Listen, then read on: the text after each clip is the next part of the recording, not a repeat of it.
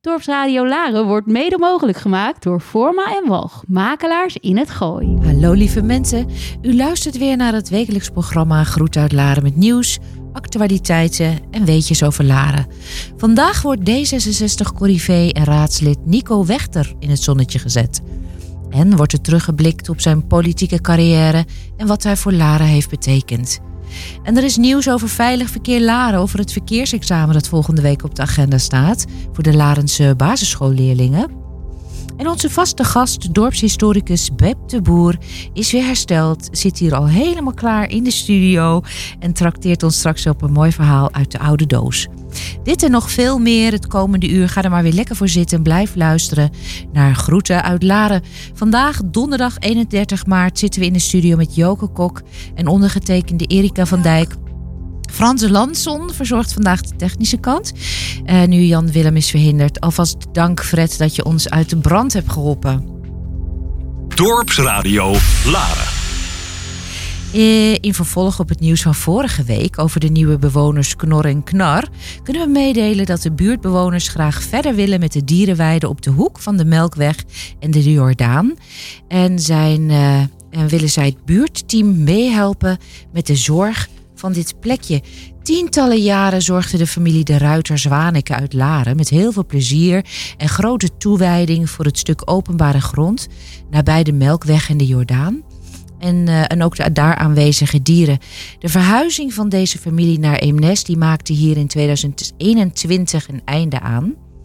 Aan de oproep van de wethouder aan buurtbewoners om mee te denken over de toekomst van dit perceel gaf een grote groep bewoners gehoor. Naar aanleiding hiervan is het voorstel goedgekeurd om de zorg over te dragen aan de stichting Geitswijdje Laren met behulp van het buurtteam. De gemeente steunt deze uitkomst van harte en is afgelopen week, 28 maart, officieel geworden met de ondertekening van een nieuw huurovereenkomst. Annemarie Le Buhan, oprichter van de stichting Geitenwijntje Laren, die heeft inmiddels twee minivarkentjes knor en knar opgevangen. Wil nog twee schapen en enkele kippen, geen haan uh, voor de duidelijkheid, aan de dierenweide toevoegen. En de gemeente die heeft meebetaald aan de grondige opknapbeurt van de dierenverblijven. De leden van buurtteam Vooruit met de Geit wonen, um, die, uh, die wonen allemaal langs de kant en die kunnen in geval ook van onraad heel snel ingrijpen. Kijk voor meer informatie op de website van het Geitenweidje. Even een bruggetje, nu we het toch over dieren hebben, uh, spring ik van het geitenweidje over naar het hertenkamp. In het Larens Journaal van aanstaande vrijdag 1 april verschijnt een artikel over de plannen voor de aanleg van een regenwateropvang op het hertenkamp. Uh, deze aanleg is onderdeel van het masterplan Laren Regenklaar. En deze week werd duidelijk dat het huidige college het aan het nieuwe college wil overlaten om te bepalen of, hoe en in welk tempo de verschillende projecten van Laren regenklaar uitgevoerd worden en welke afspraken daarover met de gemeenteraad gemaakt worden. Helaas stond het bericht in het Larens Journaal al klaar en was het niet meer mogelijk om dit terug te trekken. Dan weet u dus dat het regenklaarplan voor wat betreft het hertenkamp nog niet in beton is gegoten. Nou, in de tweede editie van het Papageno Kunstommetje in Laren gaat op 1 april van start en duurt tot 30 april. En we maken er een traditie van om hier ook dit jaar weer aandacht aan te besteden en aandacht aan te schenken. Nou, wat is dit kunstommetje? Uh, wie doen eraan mee? Uh, iemand die er alles van af weet is Ingrid Peters, directeur van het Papageno-huis. En wij willen haar live in het programma hebben. Welkom Ingrid.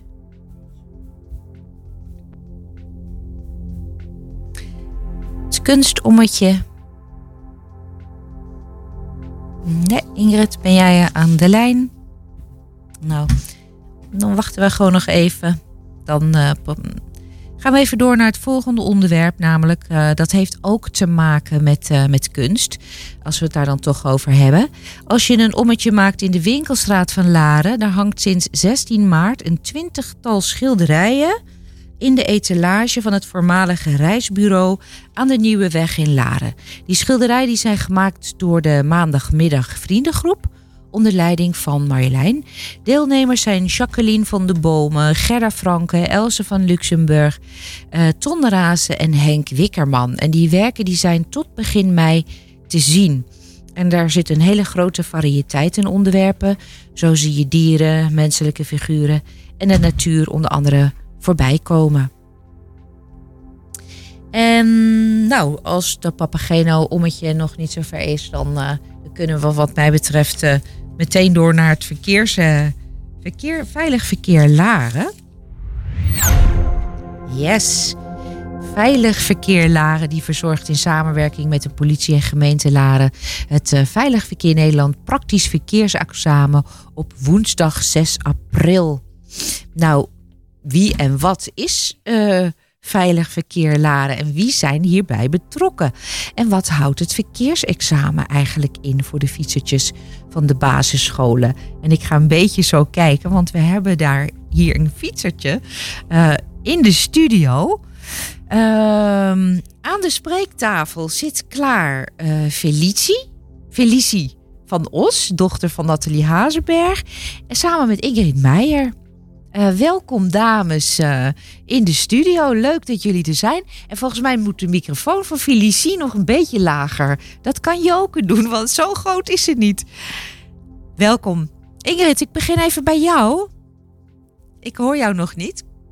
Misschien uh, kan even de microfoon aan bij Ingrid. Hoor je me? Nee. Ik hoor jou nog niet.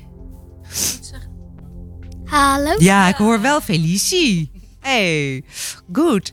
Um, jij gaat uh, verkeersexamen doen, klopt dat? Ja, klopt. En, en welke klas zit jij? Ik zit in groep 7 van OBS de Ploeg. Aha, en tegenwoordig is dat in groep 7 of ook in groep 8 of alleen in 7? Uh, ja, volgens mij is het alleen in 7. Aha, en wanneer gaat het plaatsvinden? Uh, 6 april. Volgende week woensdag. Volgende week woensdag. Hoe laat? Um, in de ochtend. De hele ochtend. Ja.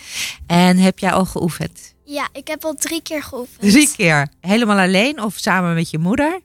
Um, met mijn moeder en ook vriendinnen. Die hebben we ook. Uh, ja. En, en hoe, hoe vind je de route?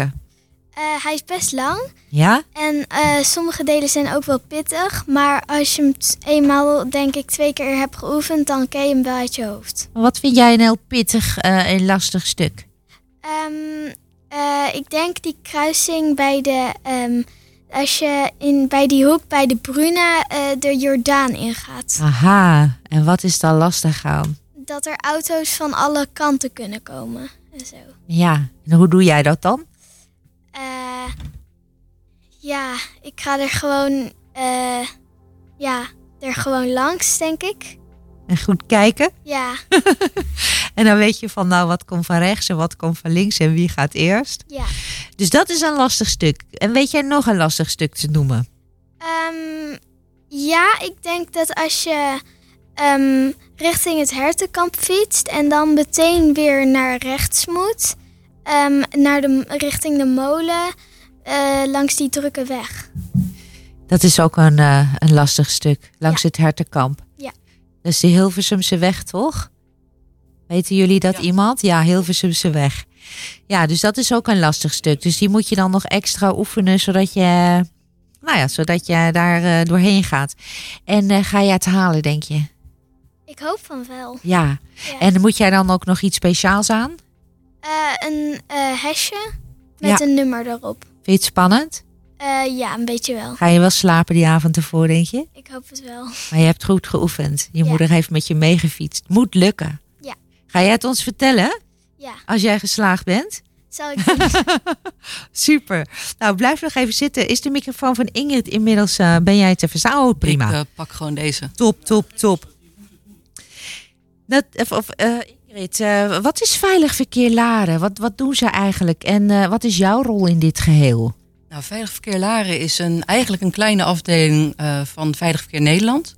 Eh, wij verzorgen eh, de, de fietsexamens en de praktijkexamens voor alle basisscholen hier in, in Laren. Schuif me maar iets naar je toe hoor. Oké. Ja. En ehm, ja, dat doen we eigenlijk als uh, vrijwilliger en samen met uh, de, uh, drie moeders doen we dat nu. We vertegenwoordigen eigenlijk allemaal één school. En we zijn dan ook nou ja, op zoek naar nieuwe vrijwilligers, omdat we, zodra je kind natuurlijk naar de middelbare school gaat of het verkeersexamen heeft gehaald, ja, dan, dan, dan stop je met je vrijwillige werkzaamheden. Juist. En ja. ik begrijp, Nathalie is hier ook, hè, de moeder van Felicie. En jij gaat ermee stoppen, Nathalie. Ja, klopt. Uh, volgend jaar ga ik nog wel helpen in de overdracht natuurlijk voor nieuwe ouders. Ja. Dus uh, ja, we zoeken vooral ouders die misschien nog jongere kinderen hebben, net als Ingrid. Ja. Uh, die de komende jaren kunnen helpen. En dan straks als hun kind in groep 7 is geweest en naar groep, groep 8 gaat, het ook weer kunnen, kunnen overdragen. Ja. Nou, leuk. En, en, en, en hè, jullie vragen veel aandacht voor verkeersveiligheid. Is Laren veilig? Laren voor kleine, is een, ook voor kleine de verkeersdeelnemers, ja? Ja, Laren is een uitdagend dorp. Zeker omdat we natuurlijk hier ook al die mooie, stoere bolides hebben rondrijden. En de carspotters. Er zijn veel ingewikkelde kruispunten. En we hebben ook uh, hele uh, fietsactieve uh, kinderen al. Dus de combinatie van uh, mensen die graag fietsen, een hele sportieve auto's en wat ingewikkelde verkeerssituaties. Dat zorgt ervoor dat Laren toch wel nou, wat extra aandacht mag besteden aan de verkeersveiligheid. Ja. Helemaal uh, correct. En wat, wat, wat houdt allemaal die taken van de vrijwilligers in? Eigenlijk is het uh, nou ja, gedurende het jaar een aantal keer gewoon brainstormen over van wat vind jij nou wat veilig verkeer Laren zou moeten betekenen binnen ons dorp. We zijn eigenlijk ook bezig een beetje de, richting de politiek en zeker richting de scholen van kunnen we iets meer gaan betekenen in die, uh, die verkeersbewust, het verkeersbewustzijnsniveau van de jongere kinderen. Mm. Um, want nu, ja, in groep 7 ga je inderdaad uh, je uh, theorie leren en je examen doen. Maar de, de, meeste kinderen beginnen al met fietsen vanaf 4, 5 jaar. Juist. Um, dus dat vinden we uh, ook leuk om daarover te brenen van wat kunnen we nog meer betekenen in dit dorp. En daarnaast um, is het vooral in het begin van het uh, jaar, voorafgaand de weken aan het verkeersexamen, ja, ben je regelmatig bezig met de scholen te benaderen.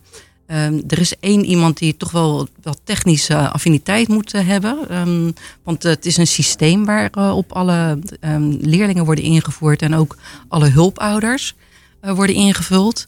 En daarnaast is het natuurlijk iemand nodig die goed is in, in de teksten. dus uh, in principe doen we dit met z'n drieën. En dat heb je ook van de ploeg of ook van andere scholen? Nee hoor, we vertegenwoordigen juist allemaal een andere school. Ja. Dus uh, we hebben de, de ploeg, dat is Nathalie. We hebben Emmy, die is van de Montessori. En ik ben van de Binkhorst. Dus we zijn uh, natuurlijk op zoek naar uh, mensen van die andere scholen. Van de ploeg en van? Montessori juist. en ook een Gooise school. Juist, juist. Ja. Nou, bij deze de, doe je oproep. Nou, uh, lieve, mensen. um, mocht je geïnteresseerd zijn in de verkeersveiligheid van je nabije omgeving en zeker van ons dorp. En uh, heb je affiniteit met um, um, kinderen ook want, en, en het verkeer. wees dan alsjeblieft vrij, zo vrij om ons te benaderen. wij zijn gewoon te bereiken op info Veilig verkeer. Oh, veiligverkeerlaren.gmail.com, sorry. Ja. um, en, um, of je kan ons natuurlijk altijd even proberen te bellen. Of via jullie te bereiken.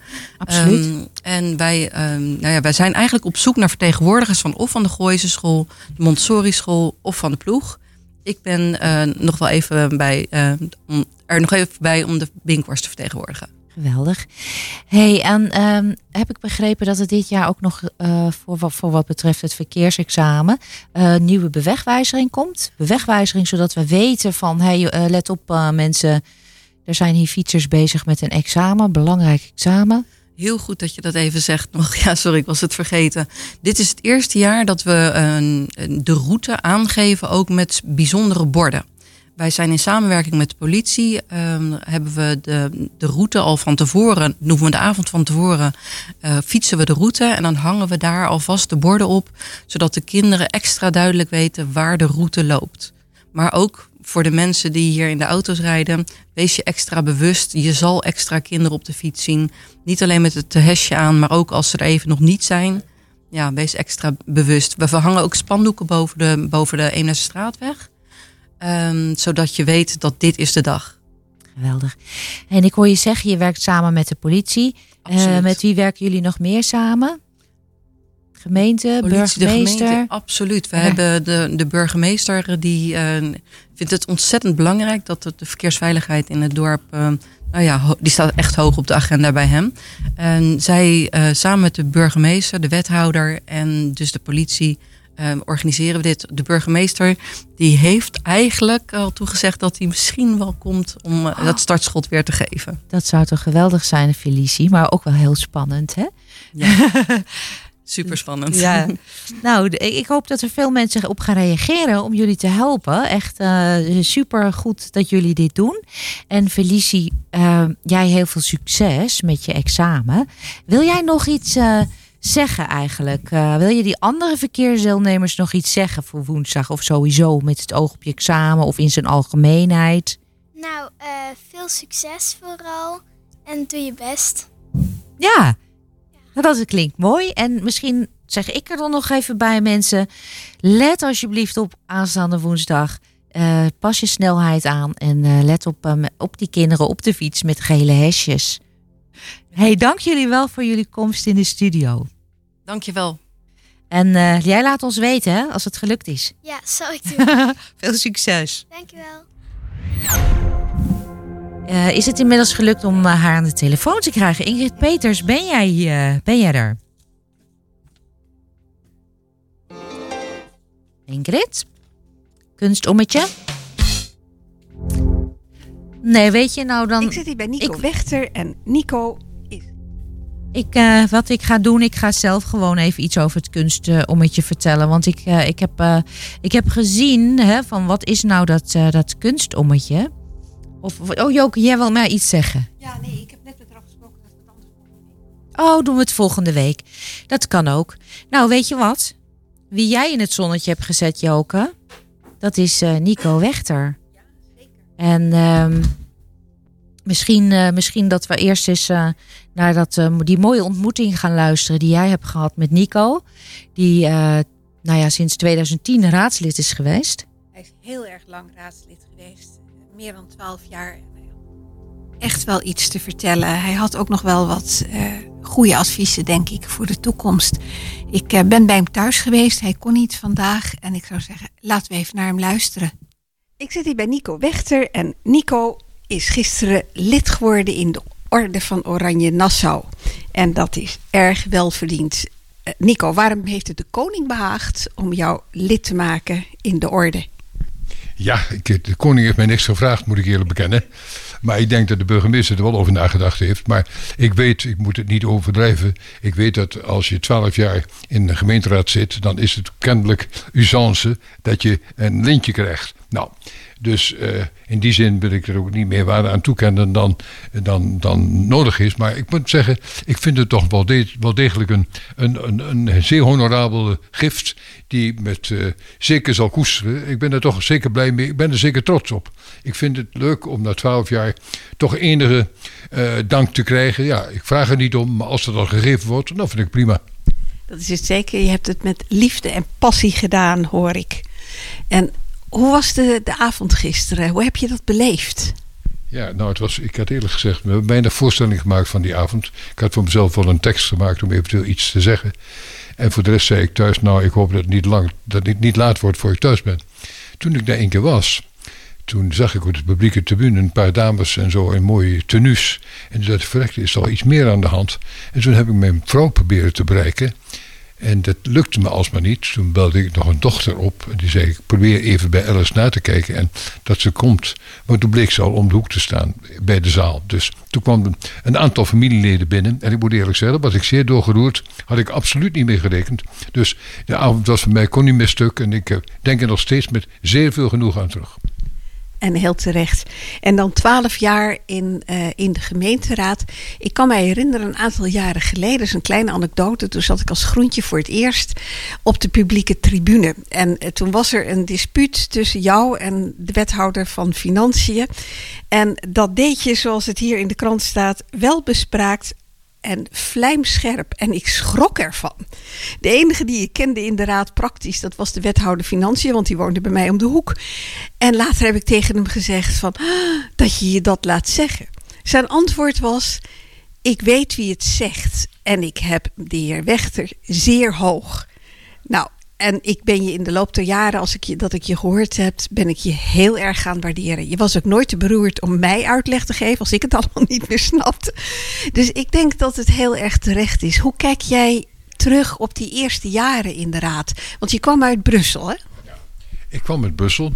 Toen heb ik even, even een time-out genomen. En toen, meer, echt toevallig, kwam ik in aanraking hier met de afdeling van D66. Ik was lid al sinds 1969. Heb ook in het bestuur gezeten van D66 als secretaris buitenland. Maar ik had me dus nooit lokaal hier met iets bezig gehouden. En toen werd ik in één keer gevraagd: wil jij lijsttrekker worden? Dat was mij dus een totale verrassing. Ik was er niet op voorbereid en ik was ook niet in bezit van enige kennis over gemeentepolitiek. Bestemmingswijzigingen en dat soort zaken zeiden me weinig. Maar toen moest ik in één keer eh, zwemmen in dat diepe water. En dat viel in het begin natuurlijk niet mee, moet ik zeggen. Ik moest toch echt wel wennen aan deze hele nieuwe speciale cultuur van zo'n gemeenteraad. En eh, toen, ja, ik mag misschien een anekdote vertellen, wat ik gisteravond nog even ook in herinnering heb geroepen. Eh, een van de eerste discussies die plaatsvonden ging over de rotonde. Of er al of niet een rotonde moest komen bij de Brink. Toen moest ik wel even slikken. Ik denk, ja, ik heb me tot voor kort in Brussel bezig gehouden met de vraag bijvoorbeeld of Turkije nu echt bij Europa moet. En uitbreidingsplannen van Europa in andere richting. En nu zit ik hier in Laren en dan moet ik me over die rotonde uitspreken. Toen heb ik gekeken naar al die documenten. Er waren een hele stapel documenten. Toen kreeg je alles nog op papier trouwens. En eh, toen bleek dat, dat de experts van mening waren dat het beste zou zijn om daar een rotonde te doen. Dus ik denk, als die experts dat zo goed weten, dan sluit ik me daarbij aan. Dus mijn standpunt was een rotonde. Nou, ik had buiten de waard gerekend, letterlijk en figuurlijk de waard. Want wie was de grote tegenstander daarvan? Dat was Frank van Dijk, de man van het Bonte Paard. En die had de bevolking gemobiliseerd vooral geen rotonde. Dus of daar nu argumenten voor waren of niet, dat deed niet meer te zaken. De geest was uit de fles. Er komt geen rotonde. En Wechter moest terug in zijn hok. Dus nou ja, dat was de eerste ervaring. Daar moest ik wel even aan wennen. Maar toen heb ik dus gemerkt dat niet alleen in Brussel soms de wetenschap opzij wordt gezegd voor andere argumenten. Zoals het hier in, ook in dit kleine Laren ook. Maar daar ben ik snel aan gewend geraakt. En in de loop der jaren ben ik toch steeds meer gefascineerd geraakt in, in het wel en wee van dit dorp. En uh, nou ja, dat ben ik eigenlijk nog steeds wel. En dat was natuurlijk ook voor mij een ideale gelegenheid om kennis te maken met dit dorp. Want ik kom natuurlijk niet uit het gooi. Ik ben oorspronkelijk een tukker. En ik heb het grootste gedeelte van mijn leven in België gezeten. Dus om nu kennis te maken met, met, met, met, met mijn directe omgeving hier. Dat was uh, precies wat ik wilde. Nou, dus daar ben ik nog steeds heel blij mee. Dus achteraf was ik ook blij dat ik die stap gezet heb. En volgens mij ben je op een toplaarder geworden inmiddels, hè? Ja, ik voel mij absoluut. Ik voel me hier volkomen thuis. Ik kom nog graag in Twente. Maar ik ben ook altijd, nee, altijd weer blij als ik weer hier ben. Ja, als ik de basiliek zie, dan ben ik weer thuis. Absoluut. Ja, en we wonen hier ook met zeer veel genoegen. En wat ga je nu doen? Je gaat het raadswerk missen, maar uh, inmiddels heb je je ook al uh, ontfermd over de vluchtelingen uit Oekraïne. Ja, dat is nu het eerste. Heeft mijn vrouw ook mede opgepikt. Die is eigenlijk de aanjager geweest. Om te zeggen, laten we nou kijken of we de vluchtelingen op een andere manier kunnen helpen dan alleen met geld. Misschien is het een idee dat we proberen locaties te vinden, huizen te vinden die te huur zijn. En die tijdelijk kunnen worden gehuurd voor vluchtelingen. Dat noemen we ook de stichting Huurhuizen voor Oekraïne. Die is ondertussen opgericht. We hebben nu één huis ingericht en daar wonen al negen mensen. En eind deze week komt een tweede huis, komen ook acht tot negen mensen in. En we hebben drie andere locaties op het oog. En als dat lukt, dan zullen we dus binnen een aantal weken misschien wel 30, 40 vluchtelingen op die manier geplaatst hebben. Dat is natuurlijk niet een baan voor mij op langere termijn. Daar heb ik nog niet heel precies over nagedacht wat ik allemaal moet gaan doen. Maar om eerlijk te zijn, ik hou van lezen. En ik hou ook van doseren, lesgeven. Dus ik was eigenlijk toch weer van plan om weer een aantal thema's die met moderne geschiedenis te maken hebben, Europese geschiedenis met name, om me daar weer opnieuw in te verdiepen en daarover weer wat te gaan vertellen ook naar de buitenwereld. En wat is dan de buitenwereld? Zijn dat scholen of zijn dat raadsleden of politieke partijen? Dat zou de laatste te kunnen zijn, maar ik kan me ook wel voorstellen dat een Probus ergens of een Rotary belangstelling heeft voor moderne geschiedenis. Ik bijvoorbeeld een thema wat me zeer aan het hart gaat is bijvoorbeeld de uitbreiding van de Europese Unie. De vraag die nu aan de orde was, moet Oekraïne bij Europa komen of niet? Nou, dat is een belangrijke vraag. En juist dat thema uitbreiding, dat heb ik toen ik in Brussel zat, heb me daar zeer intensief mee bezig gehouden. En daar zou ik graag nog wat meer over willen vertellen. Maar überhaupt de moderne geschiedenis ook. Ik ben dan bezig met een aantal boeken te lezen over de moderne geschiedenis. En toen kwam ik tot de conclusie dat 9 november een belangrijke datum is in de Duitse geschiedenis. 9 november 1918, het einde van de Eerste Wereldoorlog met het vertrek van keizer Wilhelm vanuit Spa naar Nederland. 9 november 1918. 9 november 1933, de Kristalnacht. Waarbij de Joden op een afschuwelijke manier werden belaagd door de Duitsers. 9 november 1989, de val, val van de Berlijnse muur. Dus er zijn drie markante data die op 9 november betrekking hebben. Nou, daarover valt een heleboel meer te zeggen. Is dit ook een oproep aan uh, instanties van jullie kunnen mij vragen om een leuke lezing te houden? Ja, nou, ik zit niet speciaal te solliciteren, maar ik, ik ben zeker in om me daar weer mee te gaan bezighouden. Ik ben geen man, kijk, ik golf niet, ik brits niet, overigens mijn partner doet het wel. En dat vind ik ook prima. Maar ik kan daar geduld niet voor opbrengen. Maar ik, mijn passie is eigenlijk lezen. En vooral moderne geschiedenis lees ik heel veel over. Dus als ik daar iets kan doen en daar mensen mee uh, iets kan overbrengen, dan ben ik altijd bereid om dat te doen. Ja, absoluut. En ben je nou ook nog een vraagbak voor D66? Want uh, Flip de Groot van D66, de lijsttrekker, is natuurlijk betrekkelijk nieuw hier in Laren. Ja, zeker. Nee, kijk, ik, ik heb hem nu duidelijk op de achtergrond gehouden. Ik vind dat Flip met de anderen moet nu die kar trekken. Maar ik heb hem gezegd, u bent ten alle tijden beschikbaar om eventueel bij te springen. Misschien dat er toch nog mogelijkheid is dat ik in een van de commissies nog ga zitten. Want ik, zit in, ik sta op de kandidatenlijst, dus dat kan in principe wel. Bijvoorbeeld, komt, er een nieuwe commissie boven lokale aangelegenheden.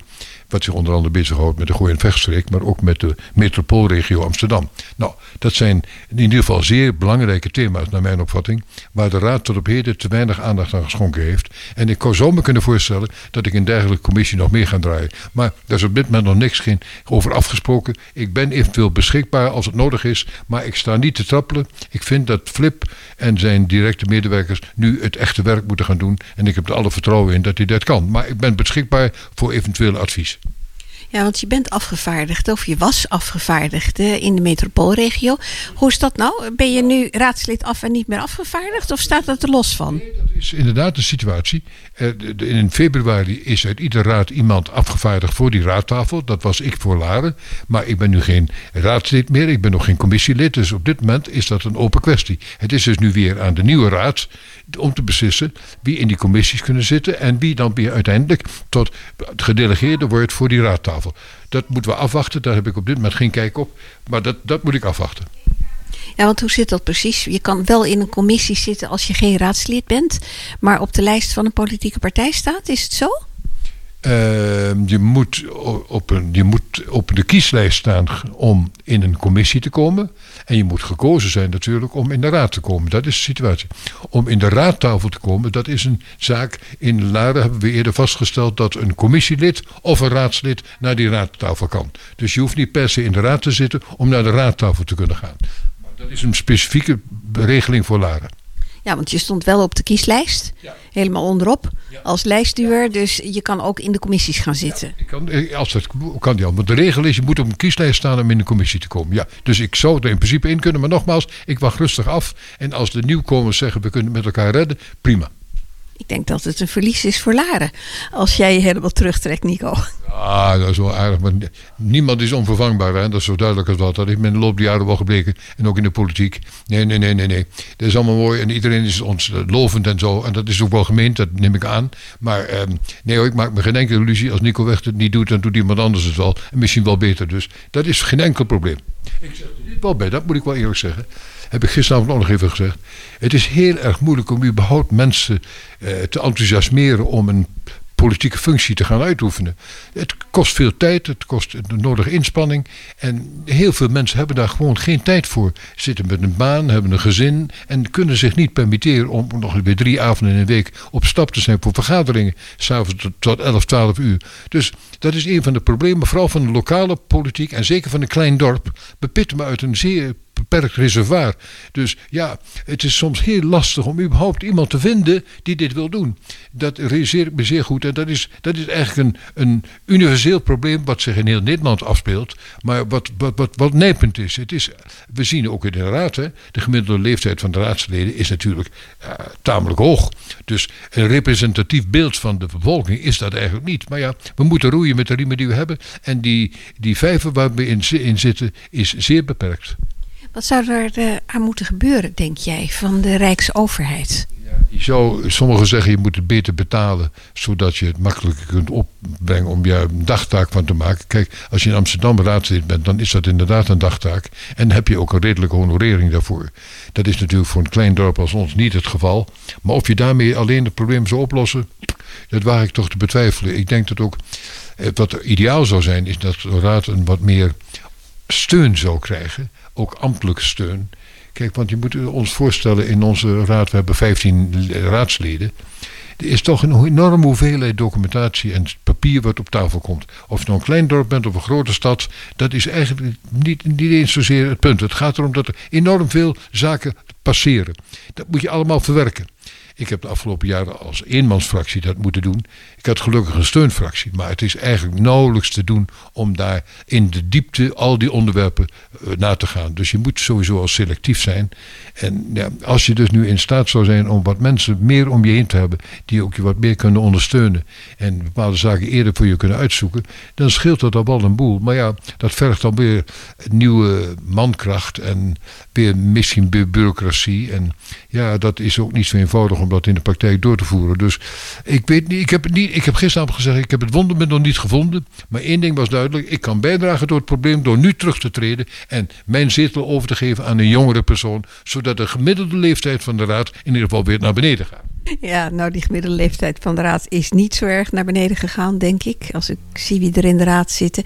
En het is logisch, ik kan me dat heel goed voorstellen. Als jij een baan hebt en je vrouw hebt een baan en je hebt twee kinderen thuis, dan heb je het A heel druk, maar B kun je het geven twee permitteren om eh, een baan op te zeggen, want de huur moet betaald worden en de hypotheek moet betaald worden.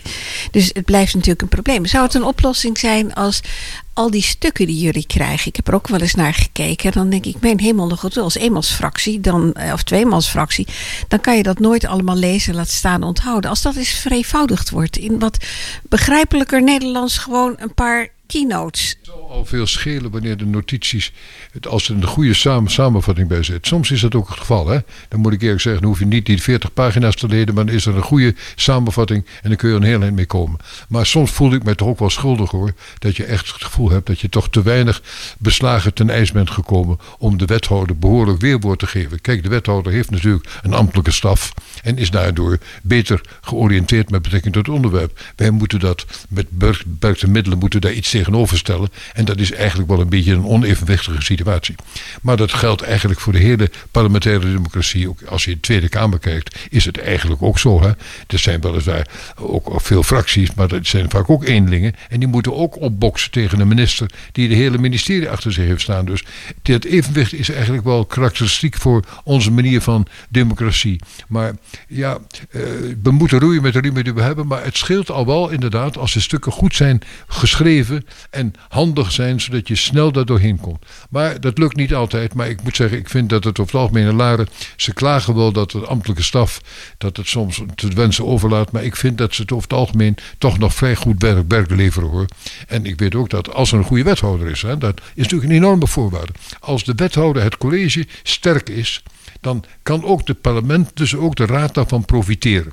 Als de wethouder precies weet waar het over gaat en ook die punten duidelijk kan maken in de discussie, dan helpt dat enorm. We hadden het geluk hier, vooral de laatste jaren, met een uitstekend college te, doen te hebben. En daardoor konden we veel, toch veel gezamenlijk optrekken.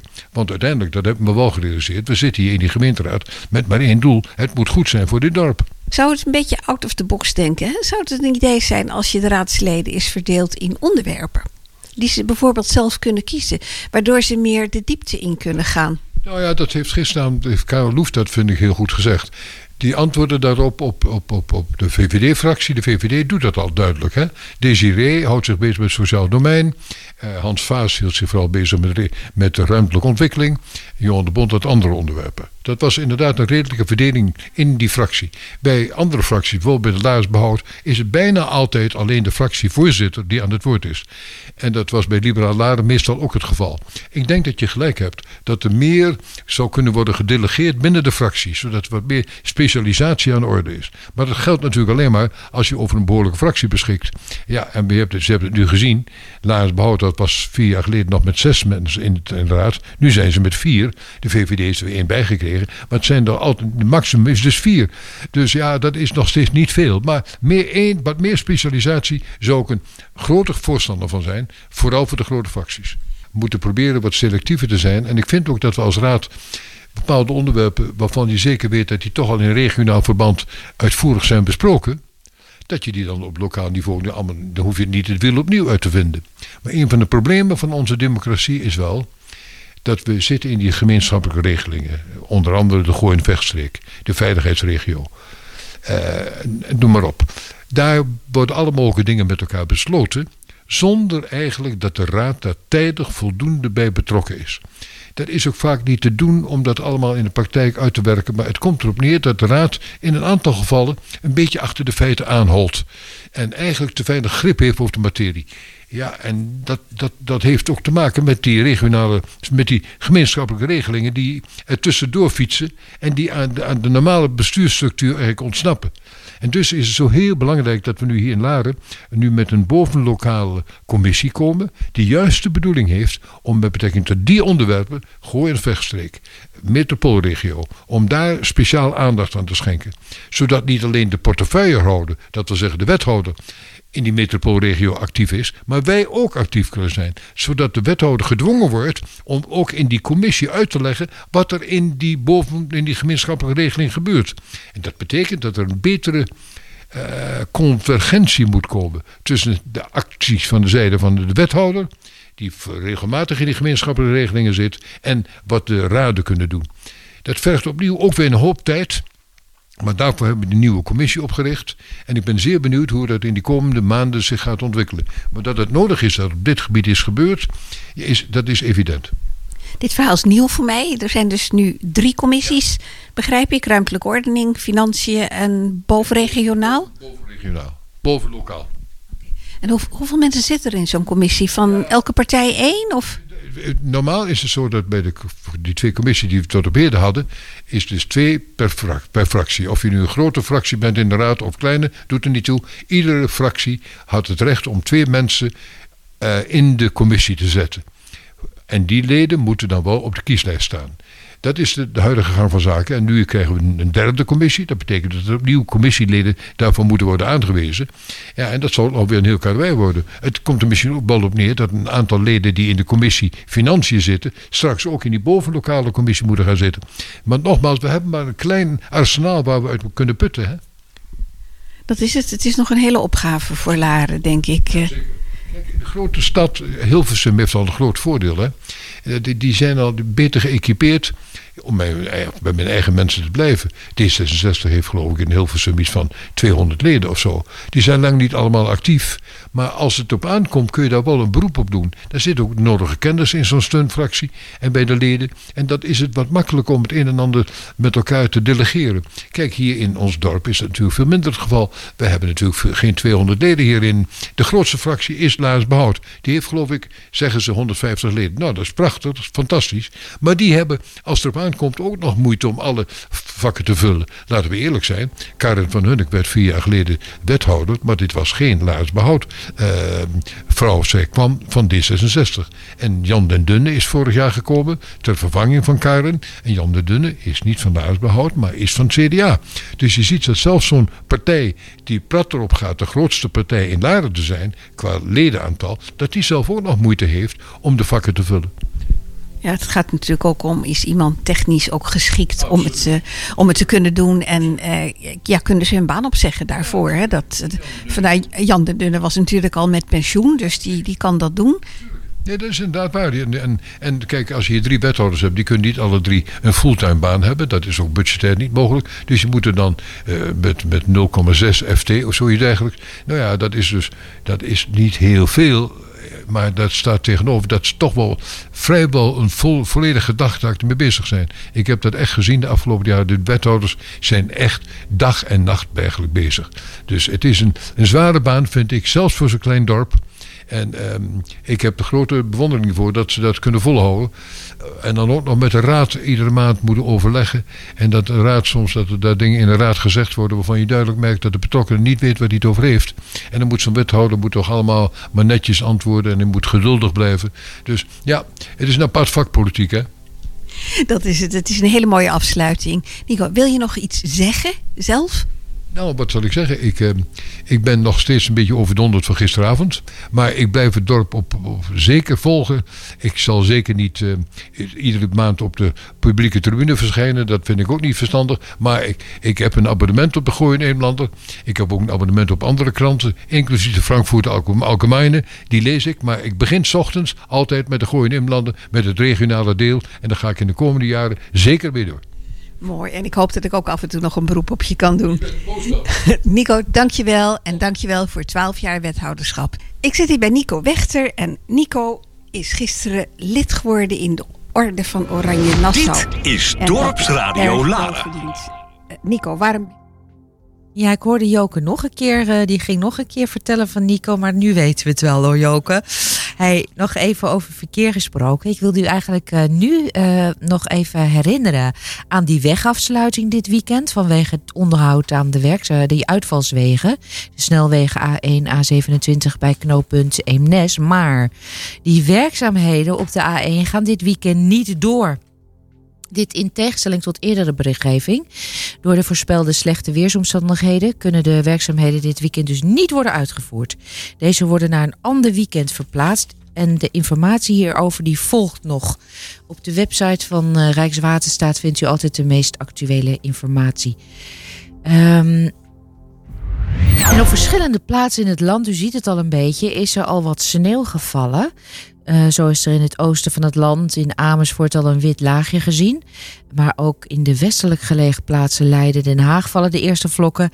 En uh, later vandaag en komende nacht krijgt het hele land te maken met sneeuwval. In Laren zag ik, is er ook al wat natte sneeuw gevallen. Het blijft vandaag bewolkt en de neerslagkans blijft hoog in Laren. Vannacht koelt het nog af tot 0 graden en de wind is matig. Uh, windkracht 4, maar dat gaat dus verhogen. Morgenochtend begint de dag bewolkt met kans op sneeuw en is de temperatuur ongeveer 1 graden en sneeuw op 1 april. Dit is ook geen 1 april grap. Geniet u er nog maar even heel kort van, van die uitbloeiende bloesem. Want de, de komende dagen is er guur winterweer op komst met veel wind. En dan uh, de adviesraad Sociaal Domein Huizen Blaricum Eemnes Laren zoekt drie enthousiaste nieuwe leden. Eén inwoner uit Eemnes en twee inwoners uit Laren kunnen solliciteren. Het betreft een vrijwilligersfunctie, ja, weer een vrijwilligersfunctie, waar een uh, vrijwilligersvergoeding uh, tegenover staat. Ondertussen zit ik al een beetje zo naar Joker te kijken. De adviesraad zoekt naar inwoners die vanuit zijn of haar betrokkenheid, deskundigheid en of persoonlijke ervaring, interesse of een netwerk ons het team bij uh, de gemeente komt versterken. Zij adviseren over alle onderwerpen binnen het sociaal domein. Nou, waar gaat het socia sociaal domein nou over? Uh, die gaat over het leven van mensen, over wonen, werken en actief betrokken zijn bij de maatschappij. Over opgroeien, naar school gaan en zelfstandig worden. Over ziek worden of het leven met een ziekte of een beperking. Uh, de rechten van burgers die zijn geregeld in de wet maatschappelijke ondersteuning, de WMO, jeugdwet en de participatiewet.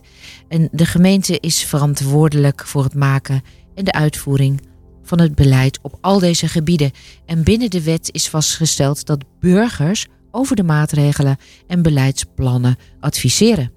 Dus de adviesraad die voert deze adviesrol uit. Eh, en die vraagt en eh, geeft gevraagd en ongevraagd advies over de ontwikkelingen binnen het sociaal domein. Ehm, nou, als u nou denkt, dit vind ik zeer interessant. Ik woon in Laren en ik heb affiniteit met deze vraagstukken. Kijkt u dan op de website van de gemeente. Daar staan ook telefoonnummers en e-mailadressen voor als u eh, informatie wilt. En helemaal klaar vandaag, alle ruimte, zit Beb de Boer. Beb, jij hebt vandaag een, uh, een verhaal over de gemeente begraafplaats hier in Laren. Ja. Ga maar uh, van start. Wij luisteren. Nou, als amateur genealoog kom ik, kom ik vaak op begraafplaatsen. En natuurlijk ook op die van ons eigen dorp. De algemene begraafplaats. In het jaar 1911 werd hier de eerste niet-katholiek begraven. Dat was de kunstschilder Tony Offermans. Dus dit jaar is deze begraafplaats al zo'n 111 jaar in gebruik. Jubileum voor de gemeente Laren. Hier rusten veel mensen die iets voor het dorp betekenden. Die veel voor het dorp hebben gedaan. En als je dan zo over de begraafplaats wandelt, dan valt het op hoeveel mooie graven er zijn. Niet alleen maar mooie stenen en zerken, maar ook veel kunst. Ook daaraan kan je zien dat Laren van oudsher niet alleen een boerendorp was, maar ook een kunstlievend dorp. Op de wandeling over die begraafplaats zie je hier heel veel mooie beeldhouwwerken. De een nog mooier dan de ander. Maar ook de opschriften op de grafstenen. Daar moet je gewoon even bij gaan stilstaan en even lezen. Dat geeft aan wat voor mens hier rust en wat er in zijn of haar leven belangrijk was. Om er een paar te noemen. Hij had spijt van de dingen die hij bij zijn leven niet heeft gedaan. Een hele bijzondere tekst. En op een, op een steen waar man en vrouw zijn begraven staat onder hun namen weer samen op pad. En ook, ze heeft geleefd. Deze vrouw had misschien wel een heel bijzondere leefstijl. Zo zijn er vele, vele teksten te lezen. Allemaal heel bijzonder en interessant. Ik kan het iedereen aanraden om er eens een wandeling over die begraafplaats te gaan maken.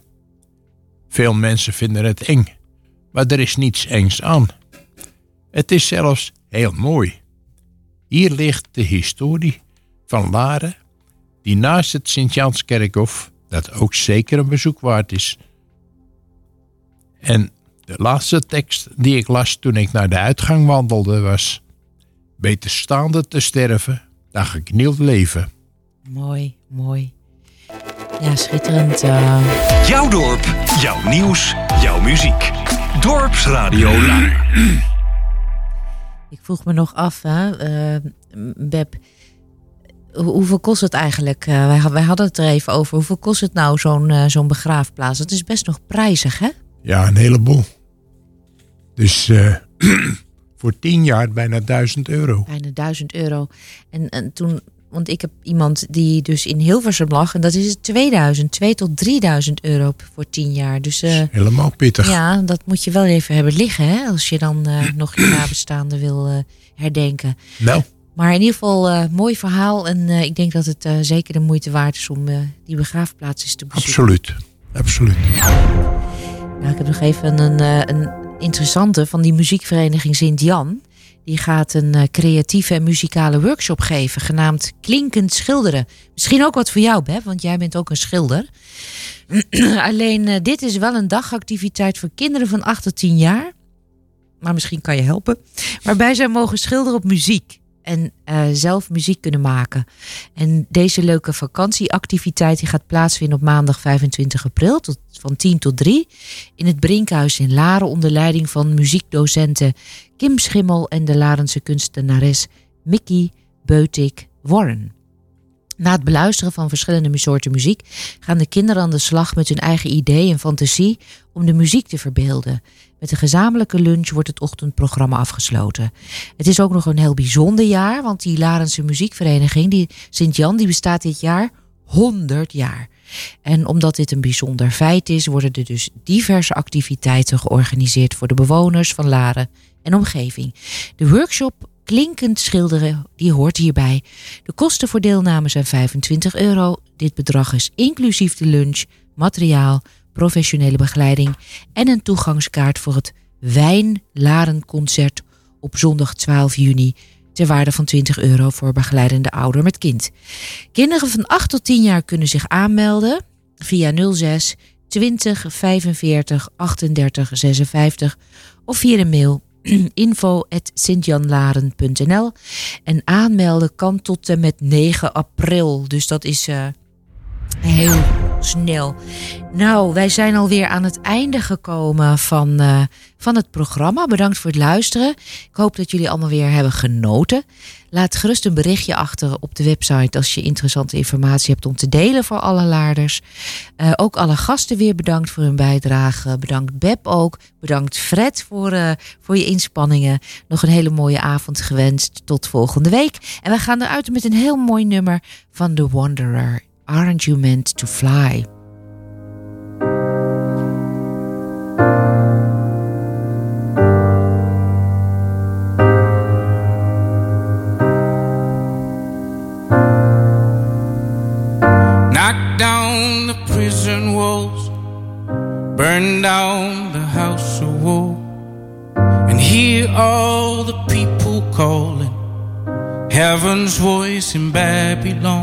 Saying, Aren't you meant to fly?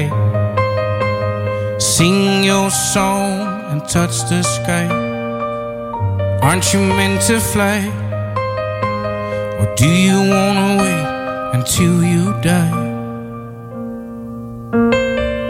We chain ourselves to free ourselves, drown ourselves to crown ourselves, reveal ourselves to be ourselves, lose ourselves to find ourselves.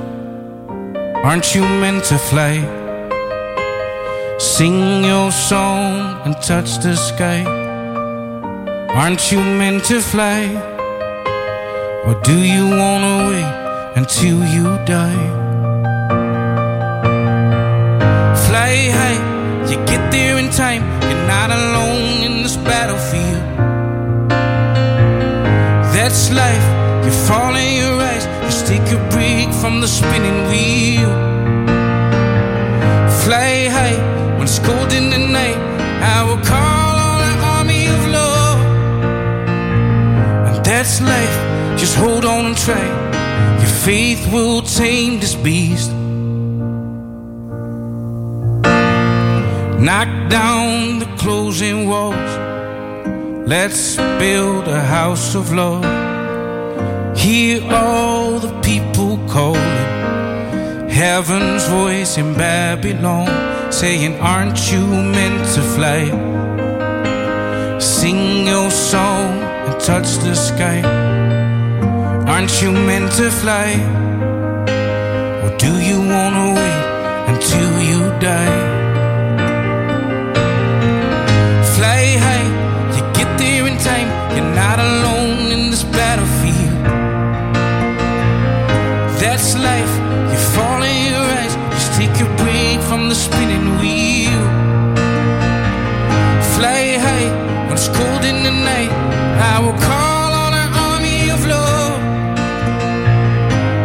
Life, just hold on and try.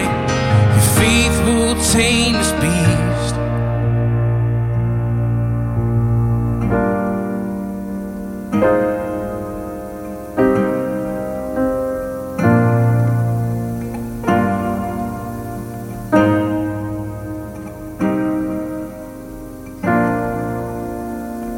We chase ourselves to catch ourselves, hurt ourselves to heal ourselves, accept ourselves, ignore ourselves. We blind ourselves to see ourselves.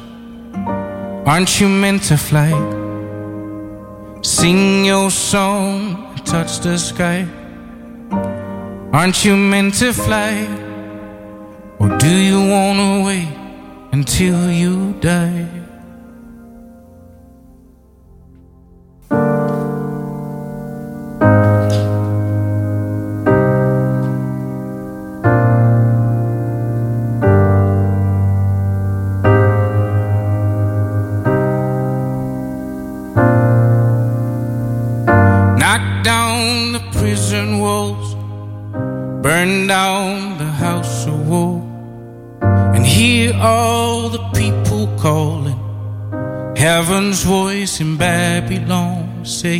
Aren't you meant to fly?